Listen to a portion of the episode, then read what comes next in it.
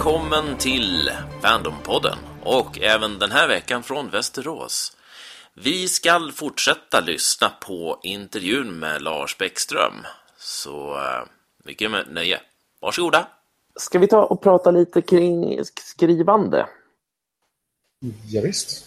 Um, vad är, visst, vad är, du sa att du hade varit med, du var med skrivargrupperna där i, i London. Berätta, vad, vad är det för någonting du skriver? Jag måste... Jag skriver ehm, dels dystopier. Eh, jag skriver noveller. Eh, arbetar en del på, arbetar på en kortnovell så mycket mitt arbete tillåter. Uh, men jag skriver, det som jag skriver, det, dels är det dystopier, eh, eftersom jag tycker att science fiction är ett väldigt lämpligt medium för att observera vår samtid. Um, och sen så skriver jag i den här väldigt specifika genren eh, mytoslitteratur.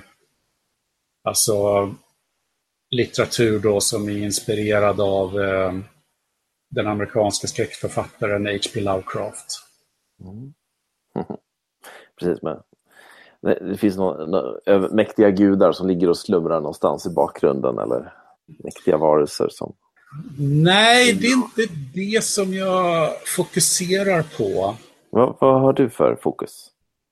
Det är, ja, det är vad ska jag säga, det är, men, jo, det, den, det är den här utsattheten det här mänsklighetens utsatthet och mm. den fundamentala ensamheten som finns i, i Lovecrafts universum. Eh, som som eh, attraherar mig. Det kanske låter väldigt märkligt, men det är den som drar, drar mig till där. Att det, och att det finns inga lyckliga slut i, Lovecraft, i, en, i, en, i en riktig mytoshistoria. Eh, det bästa man kan hoppas på är att man överlever en liten stund till och att kanske uppskjuter det oundvikliga en liten stund. ja, den som springer snabbast lever lite längre. Ja, precis. Det, det, det, det, det har också spelat Call of Cthulhu. Oh ja. Vi hör steg på övervåningen. Okej, okay, jag kutar. Okay. Vi drar ja. Ja, vi drar. det blir svårt att spela något då. Uh, det, är det, det är som det att jag är själv ligger på det autistiska spektrumet. Och, uh, och Lovecraft han lyckas med eh, att beskriva världen som en autist upplever det. Och det, det, det, det, det är själva skräckupplevelsen i hans, i hans eh, noveller och böcker.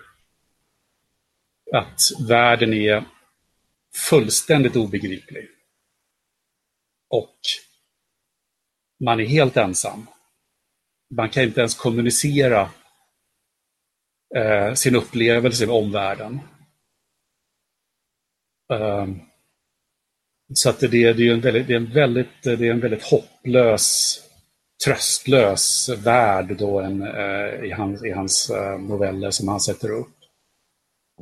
Och att han, eh, nu vet inte jag, på engelska så heter det där eh, Confrontation with the other. Så på svenska är det där att mötet med den andre blir det väl på svenska. Men han vinklar det då det, till att, då, att det, är ju, det är mänskligheten som är den andre. Så vi är det abnormala.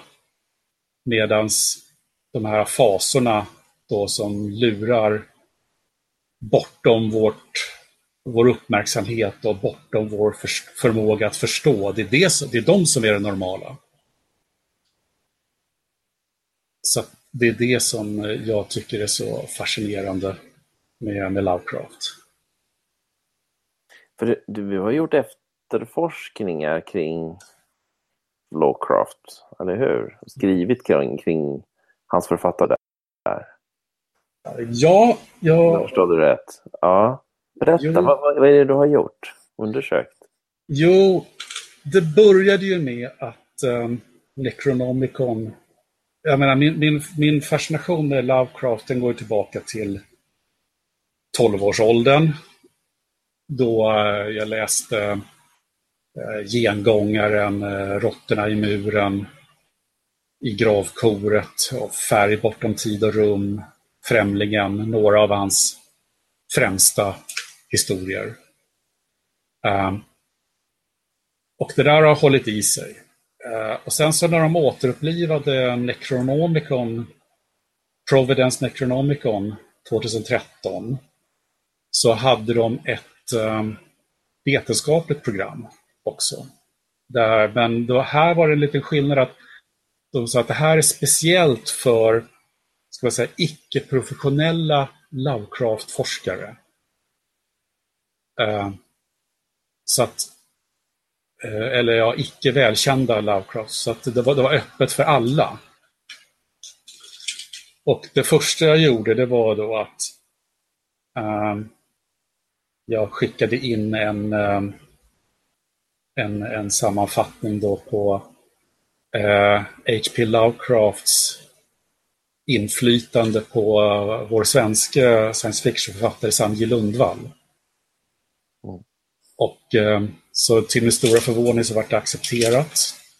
Så det var min första, och det, så jag höll ett föredrag och sen så vart det publicerat i eh, Lovecraftian Proceedings nummer ett. Eh, men det, det, var innan jag var diagnostiserad med eh, att vara då på Asperger eller med Asperger och, eller vara på autistiska spektrumet. Eh, så men sen 2014 så vart jag diagnostiserad. Och mycket föll på plats. Då som, eh, den, till, till exempel då min, min förkärlek för science fiction och för fantastik. För det är väldigt vanligt då bland science fiction-fans att, eh, att eh, vara, ja, att vara på det autistiska spektrumet. Men vad som också föll på plats var ju då att men det är ju därför jag gillar Lovecraft. Mm. För jag gillar alltså inte skräck egentligen. Um, det är bara en väldigt snäv grupp av skräck jag gillar. Det är Arthur Macken, uh, William Hope Hodgson. Uh, ja, det är väl nästan, nästan de då bara. Uh, men uh, uh, men därför att det är de som ifrågasätter då vår plats i universum. kan man säga. Det, Hodgson och Macken var ju, hade ju väldigt stort inflytande på Lovecraft. Um, och då så började jag ju, för jag började ju studera om autism naturligtvis direkt efter att jag varit diagnostiserad och då började jag ju se, men men här finns ju parallellerna. Att uh, det för, vad, för de som inte vet riktigt vad autism är, det är att det är en, det är en del av hjärnan som inte fungerar riktigt som den ska. Och man kan säga att det är den delen som ger oss helhet. Eh, autister är väldigt duktiga på att se detaljer. Eh, men vi har väldigt svårt att se helheter. Och det, och det gör att det tar väldigt lång tid för oss att, att förstå en situation och bearbeta en situation. Uh, så att ute i, vad ska man kalla det, det verkliga livet, det, det är väldigt stressigt för oss därför att det, det, vi bombarderas ju av, av eh, intryck hela tiden. Och det är också det som gör att vi kan vara lite, eller vara väldigt handfallna i sociala situationer. Eftersom det är så mycket som inte meddelas direkt. Och det är mycket som är tvetydigt. Och det är mycket som ja, ändrar sig kontinuerligt och hela tiden så måste vi bearbeta allting som händer. Um, och det, det är bland annat, det är därför som vi, vi är så social förmåga ligger från noll och neråt nästan. Och det, det är också så att vi, vi gillar att läsa böcker. Därför att där har vi lite kontroll och vi det sker i vår egen takt och vi um, um, och vi kan leva oss in i den världen för det är mycket enklare. Uh, och science fiction är också väldigt tilldragande därför att de världarna är som science fiction-världar, de är ungefär de är, de är lika lätta att förstå, för oss att förstå som den så kallade verkliga världen.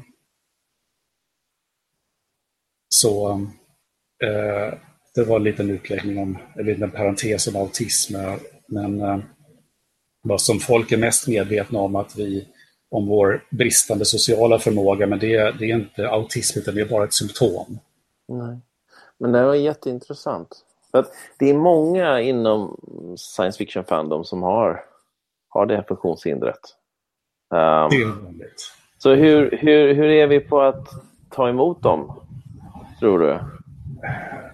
Ja, det är väl nog tyvärr ett av de prisen vi får betala, eller som får betalas för att Fandom har breddats och blivit mer populärt.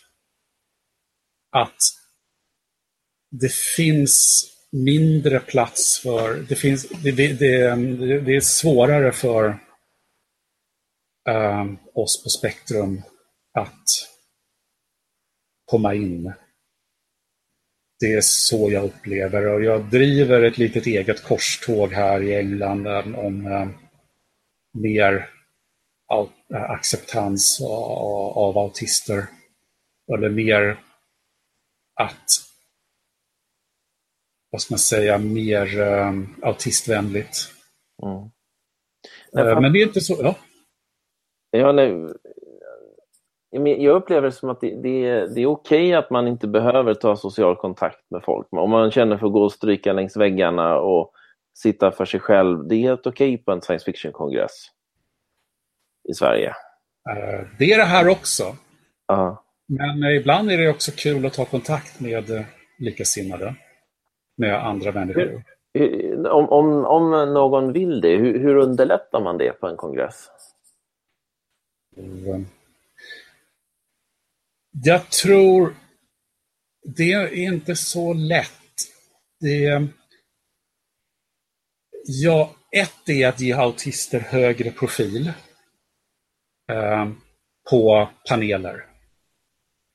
Eh, men det, jag vet att det är inte den enda som driver det korståget. Jag vet att det är en autistisk kvinna i USA som också kämpar där, men eh, hon har till och med blivit sagd, blivit meddelad att vi kan inte ha autister på paneler därför att eh, autister blir så fokuserade. Men, vilket är ju väldigt nedrigt sagt. Direkt diskriminerande. Men, Man måste ju på något sätt acceptera att vi är olika. Ja. Alltså, om det ska vara ett inkluderande evenemang så att alla ska kunna känna sig välkomna. Ja, um, nu gör väl Nine Words, åtminstone Nine Words, de gör en del där att de har, man kan få, man, man plockar på sig knappar där det står Prata inte med mig. Prata med mig enbart om jag pratar med dig. Eller prata gärna med mig. Um, men um, det är, inte, det, det, det är det här, det är att få andra människor att börja prata. Det är, det är inte alltid så lätt. Mm. Um, men, men känner, känner man sig utmålad då? Vi har, vi har funderat på det också, om man ska ha på, på namnbrickan någon form av symboler ifall man vill gärna ha kontakt. Om man är på sin första kongress och vill att folk ska prata med sig. Det finns möjlighet att märka upp det. Eller om man vill vara i fred. Vill man göra det? Ja. Jag vet inte. Jag tror, jag tycker att det där är en, en väldigt trevlig grej som de har. Att, eh, det är en, att man får en knapp då. För att folk är olika. Och det är ju, jag jobbar på ett företag, uh, ett IT-företag som bara anställer uh, personer på det autistiska spektrumet. Och grejen är att inga av oss liknar varandra. Mm. Är alla, att det finns en enorm bredd mellan autister. Det är, det är, men eh, jag tror att det som verkligen, det som, det som eh, det är den som, det som vad ska man säga, den, den gemensamma faktorn, den gemensamma nämnaren är att vi det är inte, det är inte att vi är, det, en del är asociala, men andra av oss är tämligen, är tämligen sociala. Men det måste vara rätta omständigheter och det, det varierar. Det, det, det är det som bland annat då, som drog mig till Fandom, att men här, kolla, här är ju människor man kan snacka med. Här har vi gemensamma intressen, gemensamma upplevelser. Uh, och uh, gemen, ja, vi, vi, har mycket gemensamt. Uh, så det här är lite, en lite längre utläggning, men jag tror i alla fall att ett, en bra start är att ha sådana där knappar. men då gäller det bara att om någon har en knapp, prata gärna med en, att folk verkligen går fram och pratar. Ja. Det är ju där som skon klämmer och eh, det är inte alltid så lätt om vi blir överraskade att få ut någonting intelligent av oss. Det, det är nog ett av haken. haken. Mm. Så att, ehm, det är inte alltid så lätt att kommunicera med oss. Vi, vi, det måste jag tyvärr erkänna. Så att vi gör det inte lättare för oss själva. Men det är det också som Lovecraft, som han fångar i sina bättre historier, det är då hur huvudpersonen, hur, det är ju alltid en han i hans böcker, i hans noveller, eh, lider av att han inte kan kommunicera sina upplevelser. Att han är, en, han är ännu mer isolerad vid historiens slut än vid dess början. Så att, eh, så att det, det, eh, det, det kan vara bra att prata H.P. Lovecraft med autister, med andra ord. Jag tror... Eh, ja, eller hitta specialintresset. Det... Ja, det kan vara, just det.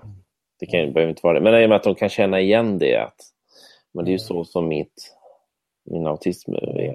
Det är det som är det konstiga. För mig var det helt självklart. Och för de som har läst det, min, min, min, min, min, mitt papper, eller my paper, eller min, min, uh, min artikel har blivit väldigt väl mottagen. Mm.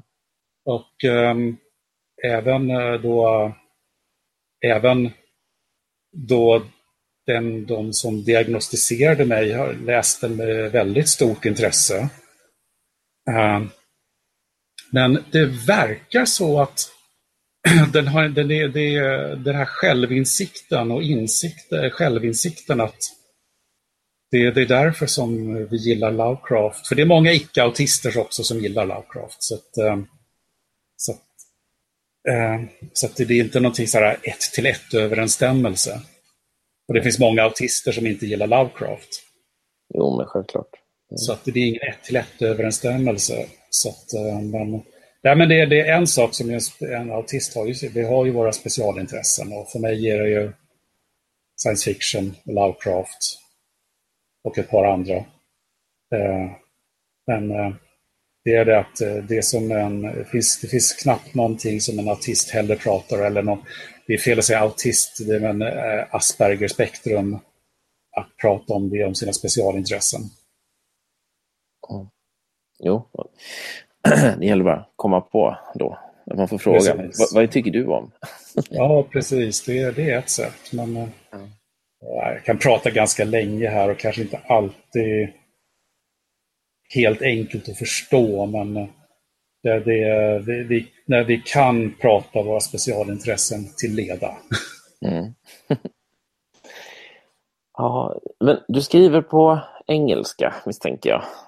Ja. Det, det, skriver du någonting på svenska? Eller har du lite mer lämnat i språket? Jag tror jag aldrig skrivit Märkligt nog så tror jag aldrig jag har skrivit på svenska. Jag har bara skrivit på engelska. Även, äh, även äh, jag vet inte riktigt varför, men jag har alltid skrivit på engelska.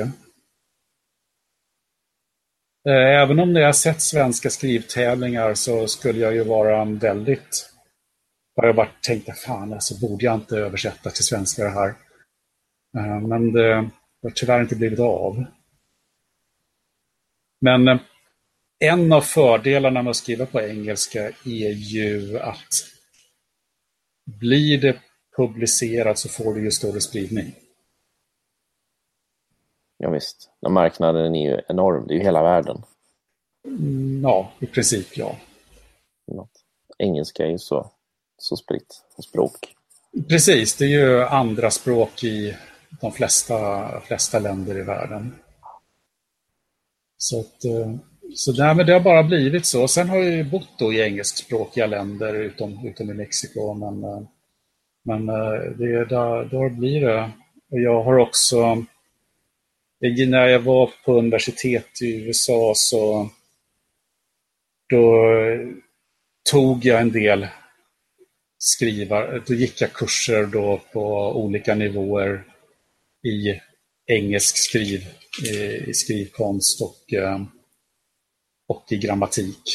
Men det var på allt, allt var på engelska. Då, då, då blir det lätt bara att det blir på engelska.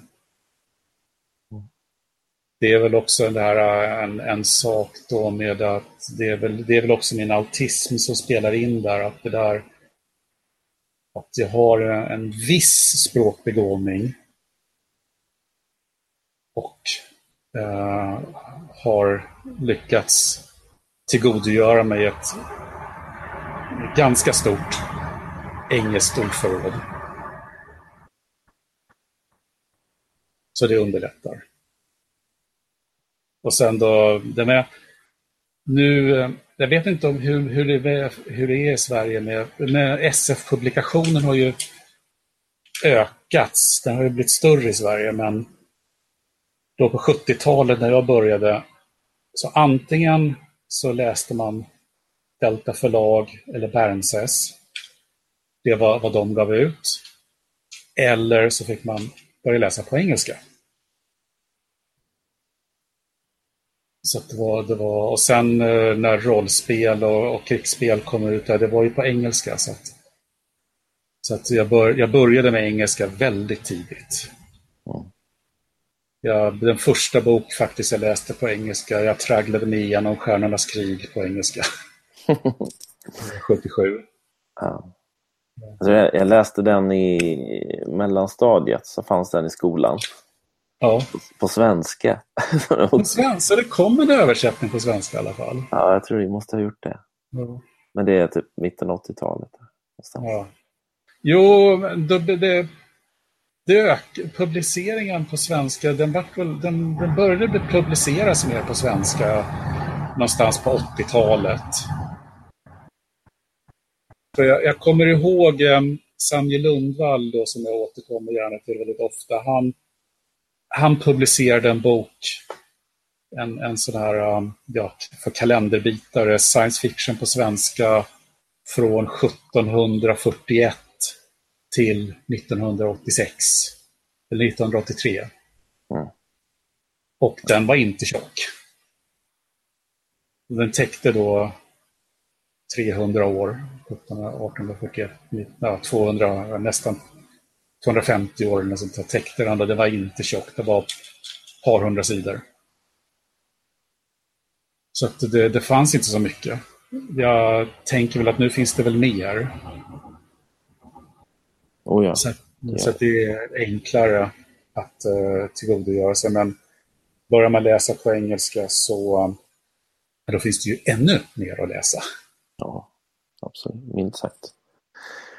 Um, ska vi se, vi hade några grejer till här som vi pratade om. Bland annat det här med status för science fiction, eller fantastik. Vi var inne lite på det att den, den är inte så, så hög va? Eller? Nej. Den är ju konstigt låg i Sverige. Ja. Det, det, det, men eh, det, det, man tänker ju då på hur långt science fiction går tillbaka i Sverige. Det går ju tillbaka, är det 1910-talet med Otto Witt, eh, hans eh, Hugin. Och sen har det ju gått upp och ner. Så, men, så att det, det, science fiction har ju funnits länge. Och sen så har vi ju då riktiga litterära svenska giganter som Karin Boye och Harry Martinsson som skrivit science fiction. Mm. Jag kommer att tänka på Selma Lagerlöf, Gösta Berling Haga. Det är väl typ 1880-tal, sånt där. 90-tal kanske. Ja, det kan det ju vara, ja. ja jag är lite osäker på när den kommer. Ja. Vänta, det, det, är precis, det är också, ja, precis hur kunde jag glömma, det är också fantastik naturligtvis. Det, och de är ju, så att, eh, så, då, hon fick ju Nobelpriset också. En, eh, så att, eh, så att det, är, det är inte helt, och Harry Martinson fick ju Nobelpriset. Och, och sen, sen fick ju Doris Lessing Nobelpriset och hon är ju fantastikförfattare rakt ut. Så att det, det, och även då, vad ska man kalla för ja, deckarförfattare som gjort utstickare, som Per Wahlöö har gjort utstickare i science fiction. Det, det, är fullständigt oförklarligt, eller ja, det, det, är väldigt svårt att förstå varför science fiction inte ska kunna slå igenom i Sverige och få, så, få sån status. Här i, här i Storbritannien så har det ju väldigt hög status. Och, och någonting som jag fick reda på förra året, att i Ryssland så har science fiction väldigt hög status. Um, däremot fantasy har väldigt låg status i Ryssland. Mm. Men science fiction, det är, det, är väldigt, det är väldigt fint att skriva science fiction. Ja, kanske inte väldigt fint, men det, det, det, har, det, det, det har hög status. Det, det är ganska respekterat. Visst var det um, rätt stort under, Sovjet, under Sovjettiden också? Ja, det skrevs en del. Det, det skrevs. Um, det är uh, kanske ett arv från, från den tiden? Ja, det finns ju, ja, möjligen. Uh, även om nu är, de, de, vi, vi tänker ju då, om man tänker på sovjetisk science fiction så har vi ju Samjachins Vi och Strugatsky-bröderna som då skrev jag bland annat Picknick vid vägkanten som sen blev filmen Stalker. Yes. Um, men, um, vi, att, vi upp, uppkallas vår uh, kongress här i Västerås efter. Jaha! Kan, kan jag inte låta bli att säga. Nej, men det... Strugatsky kommer upp här. Precis, värre, värre. Det är ju ett bra namn. Jo. Men um, tydligtvis så finns det en liten kul anekdot att rysk fandom, vi pratade lite om olika fandom, men um, rysk fandom är tydligen lite subversiv och den är stor, rysk fandom. Um, men den, den, är lite subversiv, de är lite rebelliska. Mm. De är väldigt politiskt medvetna. Um, så det, det, det, var, det, det fick, fick jag reda på på um, den här Nine Words-kongressen förra året. Oj. Ja. Mm. Så att det, det, är också en skillnad att, ehm, att, den är, att rysk fandom, att, att fandom i olika länder är, de är formad av sin egen kultur. Uh, och sin egen bakgrund, men det, det är en liten parentes. Men uh, Uh, nej, nej Rys Ryssland, det, det, finns ju en hel del också nuvarande. Så det, det, det finns, eh, mycket, det publicerades mycket ehm, rysk och också, jag menar överhuvudtaget östeuropeisk science fiction var tydligen ganska vanligt. Gärna lite samhällskritisk. Ja. Det är ju inte så att man läst några insändare i Dagens Nyheter som någon fandomgrupp har skrivit. Mm, nej. Det är inte att man har någon politisk agenda eller något. det är väldigt så här, vi läser våra böcker, pratar de. Ja. Jag vet inte hur det kan vara i Ryssland. Eller vad coolt. ja. Nej, det var det här, det här är då i kan man säga utkanten av, eh, det finns tydligen, jag fick reda på att det finns en litterär form som kallas slash fiction. Mm. Uh, och det var en, en rysk ortodox kyrka som hade en skrivartävling. Uh, eller de ville ha en skrivare, de var där, där de ville ha nyskrivna Sherlock Holmes-historier. Fast haken var att alla, eller nästan alla bidragen då var slash fiction. Och slash fiction är eh, man tar kända litterära par och ger dem en homoerotisk twist. Mm. Och det gillar inte kyrkan. Nej. Förstår jag. Nej. Ja, men så, att, eh, så rysk fandom är mer den, ja, men det, har ju, det är ju då på grund av deras eh, bakgrund då. Att de är, de är mer, jag tror historiskt sett, mer politiskt medvetna och rebelliska. Um, men det här var ju ett väldigt spännande samtal tycker jag. Lars. Ja, jag gör vad jag kan. Ja, gör vad du kan. Väldigt kul att prata med dig. Ja, vad härligt.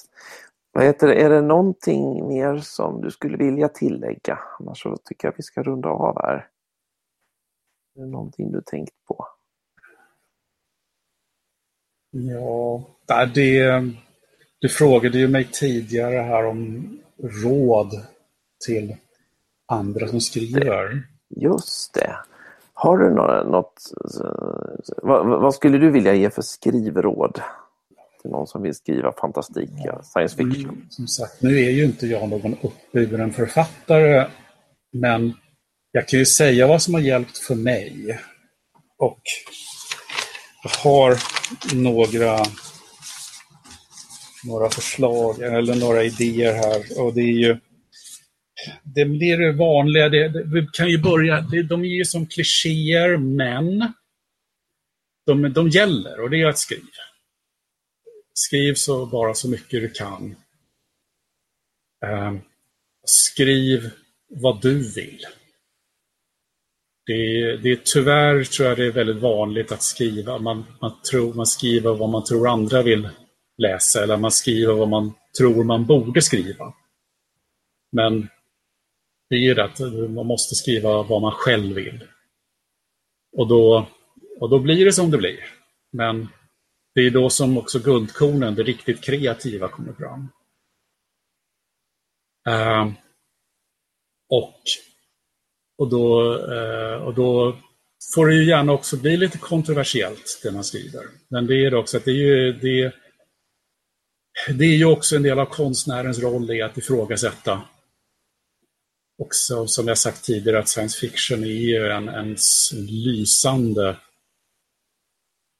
litterär form att ifrågasätta. Man ska komma ihåg att några av de mer samhällskritiska böckerna som skrivits är ju då 1984 och Du sköna nya värld. Och jag ska väl för en sista gång slå ett slag för Sam J. Lundvall, hans eh, King Kong Blues.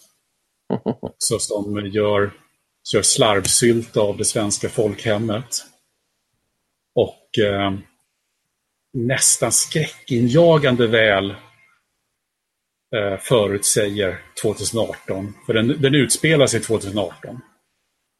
Och den fick en understreckare i Aftonbladet faktiskt. Några månader sedan. Um, men kanske här ett par andra tips. Och det, det är att, och sen skrivgrupper. Det, det hjälper. Man, men man, man, måste liksom se till att det blir en bra skrivgrupp med en, med en vänlig men hård dynamik. Mm. Det, det, man, måste vara, man måste vara snäll men också säga att det här funkar inte. Det här får du skriva om. Och det här, man får till och med säga att det här är fullkomligt bedrövligt. Som, eh, som när jag, jag skickade in en eh, till min, eh, den skrivargruppen som jag är med i nu i BSFA. Och hon som läste, hon skrev liksom att Lars, vad håller du på med egentligen? Men man får, det, man får ta det helt enkelt. Men ett, annat, ett par andra tips, och sen det, läs mycket. Läs. Och jag då tycker att det kan vara värt läsa klassikerna. Både klassikerna i världslitteraturen och de så klassiska science fiction då. Eh, och jag skulle slå ett slag för science fiction på 70-talet, den som skrevs då i skuggan av Vietnamkriget. För den, eh, jag tycker att det fortfarande att det var en riktig guldålder för science fiction. De 70-talsförfattarna, 60-70-talsförfattarna. Har du, några, har du några namn på författarna där? Okej, okay, jag lovade att inte nämna ett namn till. Men, um, Okej, nu är inte det 70-tal, men de började ju tidigare. Men jag menar, Lay Brackett, mm. um, Harry Harrison, Robert Sheckley, Brian Aldis, um, Jack Vance, det är ju min absoluta favorit. Eh, att det är den, den, den skrivarglädje och fantasi som han uppvisar i sina, i sina verk eh, är helt makalös. Eh, hans kvinnosyn kanske inte riktigt är eh, comme få nu för tiden, men det hindrar inte att, det är, att böckerna är väldigt fantasirika och ofta väldigt roliga. Um, Eh, vilka mer? Ja, vi har ju um, Philip José Farmer, uh, Robert Silverberg. Också uh, Philip José Farmer, han gjorde sig känd. Han, han, skrev ju en del böcker som ligger ju i, i um, gränsmarken till rena skräckböcker. Uh, och han gärna var väldigt provokativ. Uh, för sin tid. Jag tror att en del böcker är nog provokativa till och med för, sin, för vår tid. Jag, säger, jag nämnde Robert Silverberg. Mm. Um, sen har vi ju då Anne McCaffrey. Och ja, jag menar listan ja, men det, kan, kan... Jättemånga namn. Ja, men jag förstår. Jättebra. Uh, men sen också läs gärna historia. Därför att det, det, det har mycket, man får mycket inspiration där och det och lä, och lära sig lite om det samhälle vi lever i och det samhälle och det tid. Och, och, så får man ju inspiration och ja, det hjälper att förstå. Eh, förstå förstå vad, man, vad man skriver om. För många kända science fiction-författare är ju också historiker, kom, eh, konstigt nog. Um, sen ett par andra, det är att läs grammatik, gärna på universitetsnivå. Och var de som har möjlighet att läsa kurser i skrivkonst på universitetsnivå. Där får man en grundlig, grundlig genomgång. Jag tror aldrig jag skrivit så mycket som när jag eh, läste, tog mina engelska kurser i, i, på University of Alaska Fairbanks. Uh, och, och läser grammatik. Jag tror man kan aldrig, för det, ju mer grammatik man kan, desto bättre kan man uttrycka sig. Och skriv gärna på engelska om du vill ha mer spridning. För det finns ju många skrivgrupper, det finns många fria nätsidor då, där man kan publicera sina alster. Och, men, och då hjälper de det på engelska för att då får det spridning. Um, sen, um, sen sista är väl också att jag har ett trist dagsjobb.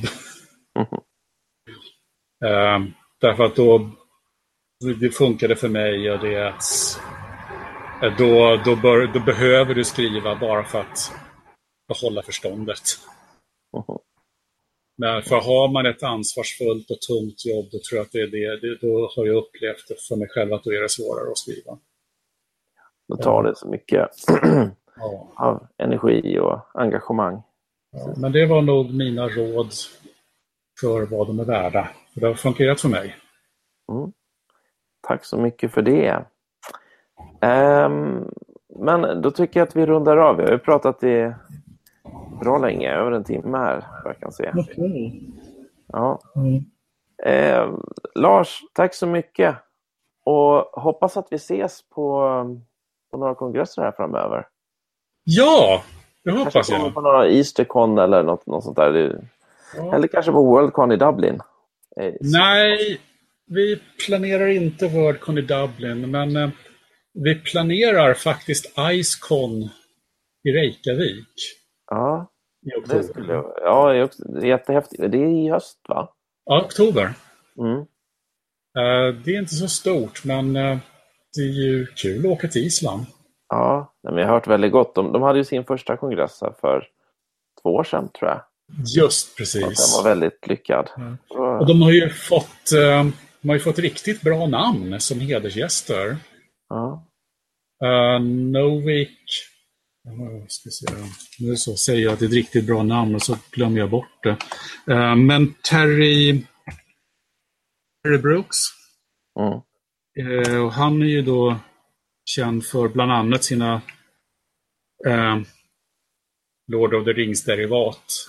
Men eh, några av hans senare böcker, är, är, har, då har han blivit helt självständig och de är faktiskt... Alltså, men han är ett stort namn så de fick Terry, de fick Terry Brooks och så är det Naomi Novik, mm. amerikansk författare, som skriver med, eh, med östeuropeiskt, polskt, litauiskt ursprung. Så hon, hon bygger på mycket äh, östeuropeisk äh, mytologi. Mm. Så, att, så att det verkar vara någonting, så det, det kan bli spännande. Ja, ja men vi, vi kanske ses där då. Ja, ja. Om du inte kommer till eh, Svekon i sommar? I... Jag säger, kan ju inte säga nej, men jag kan ju definitivt inte säga ja heller. Nej, vi får se. Men tack så mycket för ikväll i alla fall. tack själv. Det har varit väldigt kul att prata med dig. Ja, detsamma. Tack. Då säger vi hej då här från Fandompodden.